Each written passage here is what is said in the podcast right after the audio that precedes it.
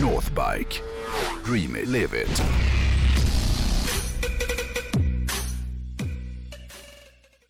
Okej, Ja. nu har jag kommit fram till den sista ikoniska hojen från ett av Northbikes alla varumärken. Vad hände sen? Ja, d- du hade ju lite planer på att eh, liksom gästspela lite i, i dealen Ah, med hojen. Gästspel och gästspelare. Jag känner att det är ju inte din versus min Nej. podd. Men, men när det kommer till motorcyklar så är det ju mest du som pladdrar. Men Ja. jag, jag har ju massa tankar och... Ska du eh, ta dealen med hojen nästa vecka kanske? Ja, kanske det. Fast vad spännande. Ja, en jungfruresa får vi se om lyssnarna Ja, sen- älskar det eller hatar det. Fram tills idag så har jag snackat om Triumphs Bonneville och Kawasakis KLR 650. Harley Davidsons den här XR 750, Honda CB 750 pratade vi om förra veckan tror jag det var. Eh, och jag har även hyllat KTMs, den här brutala 950-rallyn. Eh, Den gillar jag också. Ja, så det har ju då med andra ord blivit dags för att eh, rikta strålkastarna mot Northbikes sista varumärke, BMW. Och damma av en modell som eh, jag vill dubba som ikonisk. Och innan jag avslöjar vilken hoj det är så, har- eh, så vill jag vara tydlig med att påpeka att mitt mål är ju inte att lyfta fram den mest ikoniska hojen från respektive varumärke. För det skulle vara omöjligt eftersom alla varumärken från, som Northbike säljer har ju flera olika modeller som, som man kan se på som ikoniska. Ja. Ehm, och att välja ut den liksom mest ikoniska, det är ju typ omöjligt känner jag. Eh, så min målsättning med det här segmentet är ju egentligen bara att lyfta fram en hoj från eh, varje märke som, som mitt hjärta klappar lite extra för. Ah. När man väljer att nämna BMW och ordet ikonisk i samma mening så gissar jag att 9 av 10 direkt börjar tänka på någon av deras GS-modeller. Vare sig de vill det eller inte. Men inte vi. Mm, Nej, inte vi. Även om vi verkligen tycker om eh, original GS-modellerna så är ju en vanlig GS lite för förutsägbar och enkel för att platsa i dealen med hojen. Så jag tänkte istället att jag skulle välja en, en BMW som är en tvilling till en GS. Men eh, inte en enäggstvilling skulle man kanske kunna säga. Jag skulle faktiskt våga sticka ut hakan och säga att den här tvillingen är faktiskt lite ballare än, än eh, Ja, det är ju liksom inte en tvilling riktigt utan det är mer som ett, ett lite bättre syskon. Ja, Eller inte bättre, det är det ju. Ett sämre men betydligt tuffare syskon. ja, En slags kämpesyskon. Ja, precis. Eh, ja, tvilling eller syskon. Ni lyssnarna får avgöra. För att kunna snacka om den här hojen så behöver vi först kliva in i en tidsmaskin och färdas tillbaks till det år som jag ofta kommer på mig själv att längta tillbaks till.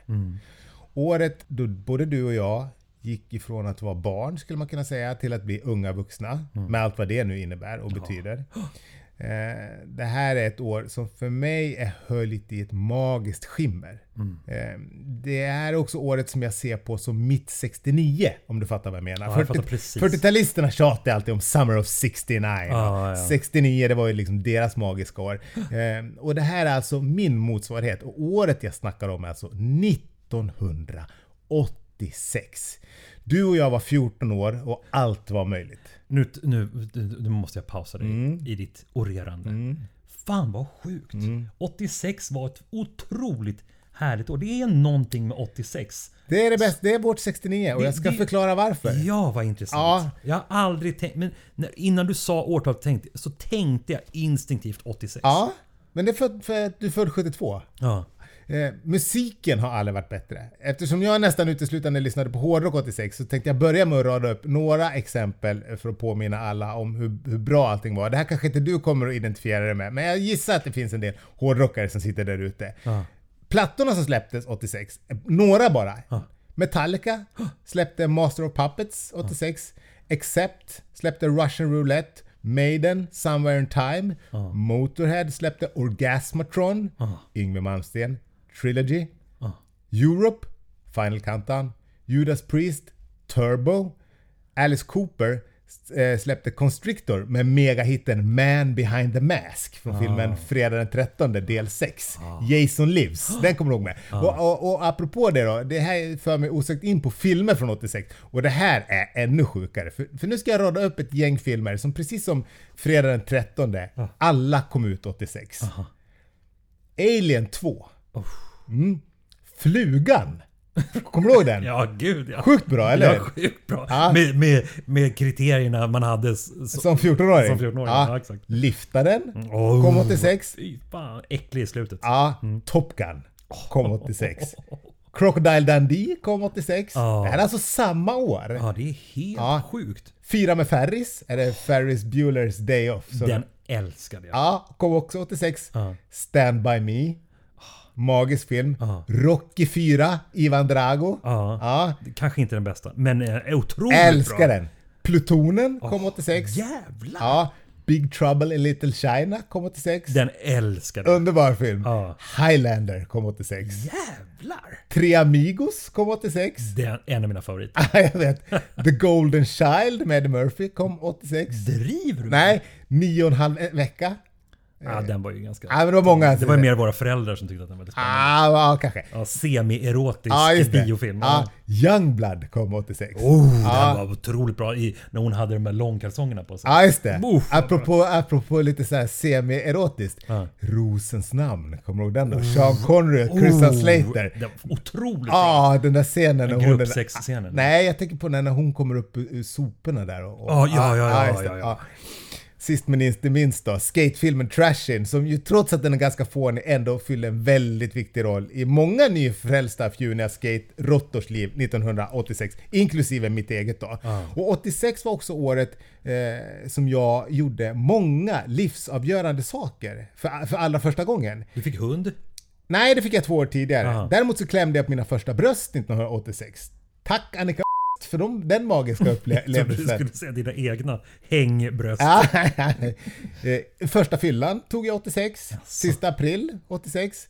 Jag reste även utomlands för första gången 86. Jag och mina vänner åkte till Österrike för att åka på en sån här skidresa. Eh, Det var den här typen av skidresa med buss som var populär i mitten på 80-talet. Fick du som 14-åring resa själv? Ja, vi, alltså det var, vi var ju ett gäng, vi var ju flera stycken och så fanns det några ledare med. Det var ju den här... Ah, du tänker så, ja. Ja, Okej. Mm.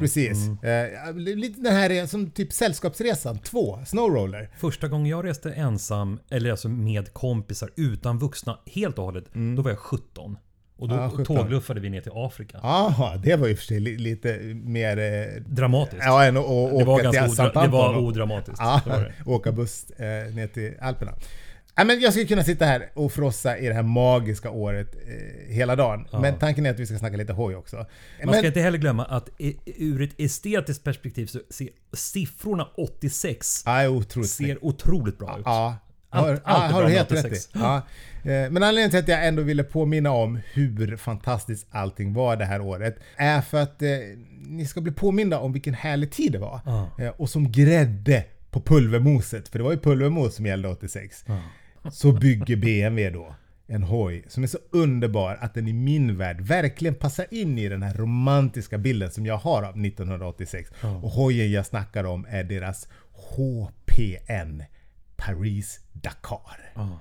Inte helt oväntat att du väljer en Dakar-hoj. Nej, jag är väldigt mycket Dakar men just det nu. Mm. här är f- för mig sinnesbilden av en äventyrsmotorcykel. Ja. Det blir inte snyggare än en eh, Marlboro-stripad Om du skulle bygga en hoj då blir det en klon på den här gissar jag. alla dagar i veckan. Ja.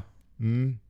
Eh, nej men det är ju som, ja det är en, ytterligare en Dakar-hoj. Men eh, Nästa vecka, Ja. när jag ska ta eh, dealen med ja. hojen-segmentet, Ja, just det. så kommer det inte bli äventyr eller Dakar. Nej, spännande. Ja. Nej, men för någon vecka sedan då snackade jag ju om KTMs, den här brutala 950 rallyn. Mm. Eh, ända sedan 2001 så, så har ju KTM mer eller mindre prenumererat på pallplatserna i Dakar. Men på 80-talet, då var det annorlunda. Då var det nämligen BMW som var herre på täppan. Så det bara sjöng om det. Ja. Och i mitt tycke, eh, så den ballaste och snyggaste hojen eh, är den som BMW byggde ihop tillsammans med det tyska raceföretaget HPN Motorrad Technik.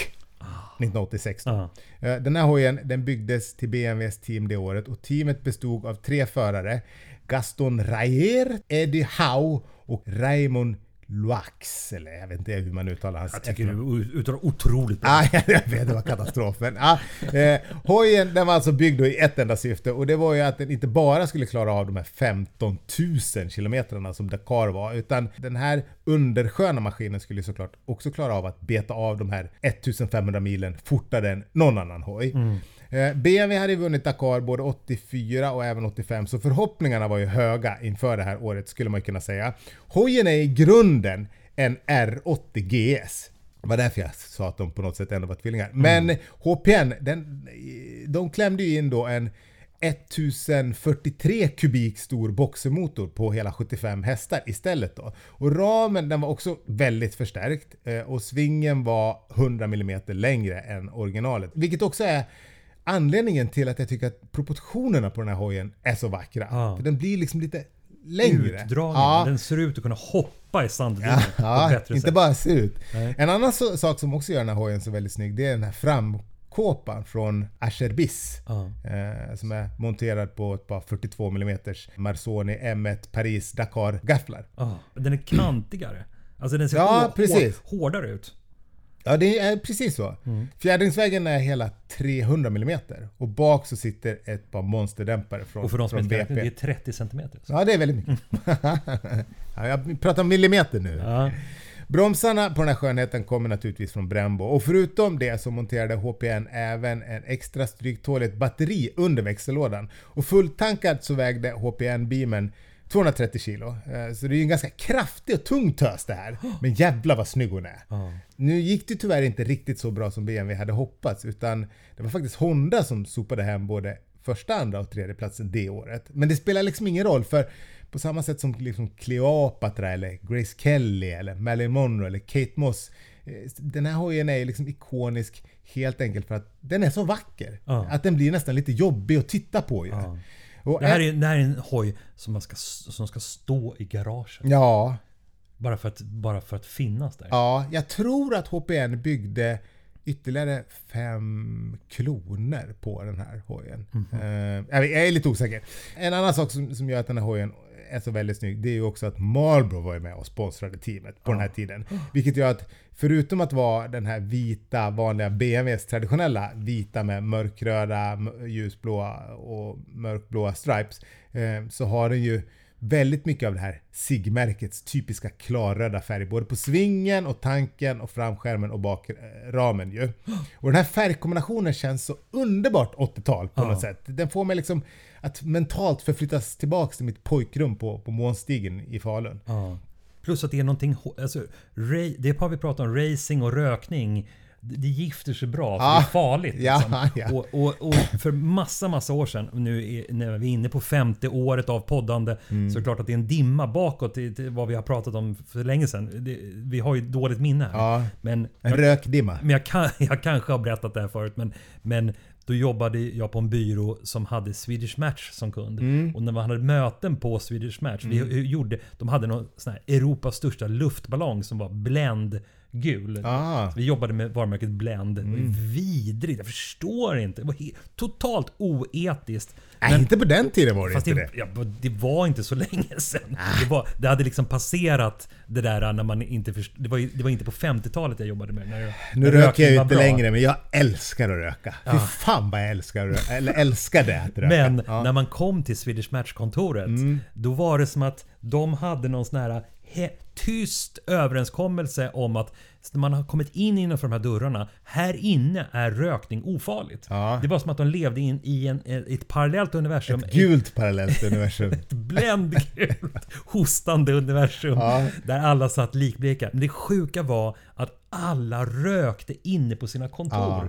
Det var liksom en rö- och de hade ju satsat enorma pengar på ventilation Ja. så att allt sögs ut. Men Ja. det var en sån surrealism. Man kom in i ett konferensrum och så sitter två personer och röker inne på konferensrummet. Ja. Mm. Det var som att här är det våra regler. Och sen ett Härligt. år senare så, så var- hade ju alla nikotintuggummin tagit över världen. Ja. Och så hade alla avlidit i lungcancer. Nej men nog är det väl ändå så att en hoj som kan få två gamla gubbar, två gamla bedagade gubbar som dig och mig att bli tonåringar igen. Det måste väl ändå anses som en ikonisk hoj. Ja. Så att jag tycker det var en fin hoj som får avsluta den här serien av ikoniska hojar från Northbikes varumärken. Ja. Och nästa vecka är det som sagt din tur att- att, att ta dig an eh, dealen med hojen. Det ska bli jättespännande. Ja, jag har ingen aning men det kommer Nej. bli eh, spännande. Ja, eh, ja det var, det, var det. dealen med hojen den Det här var veckan. Ja.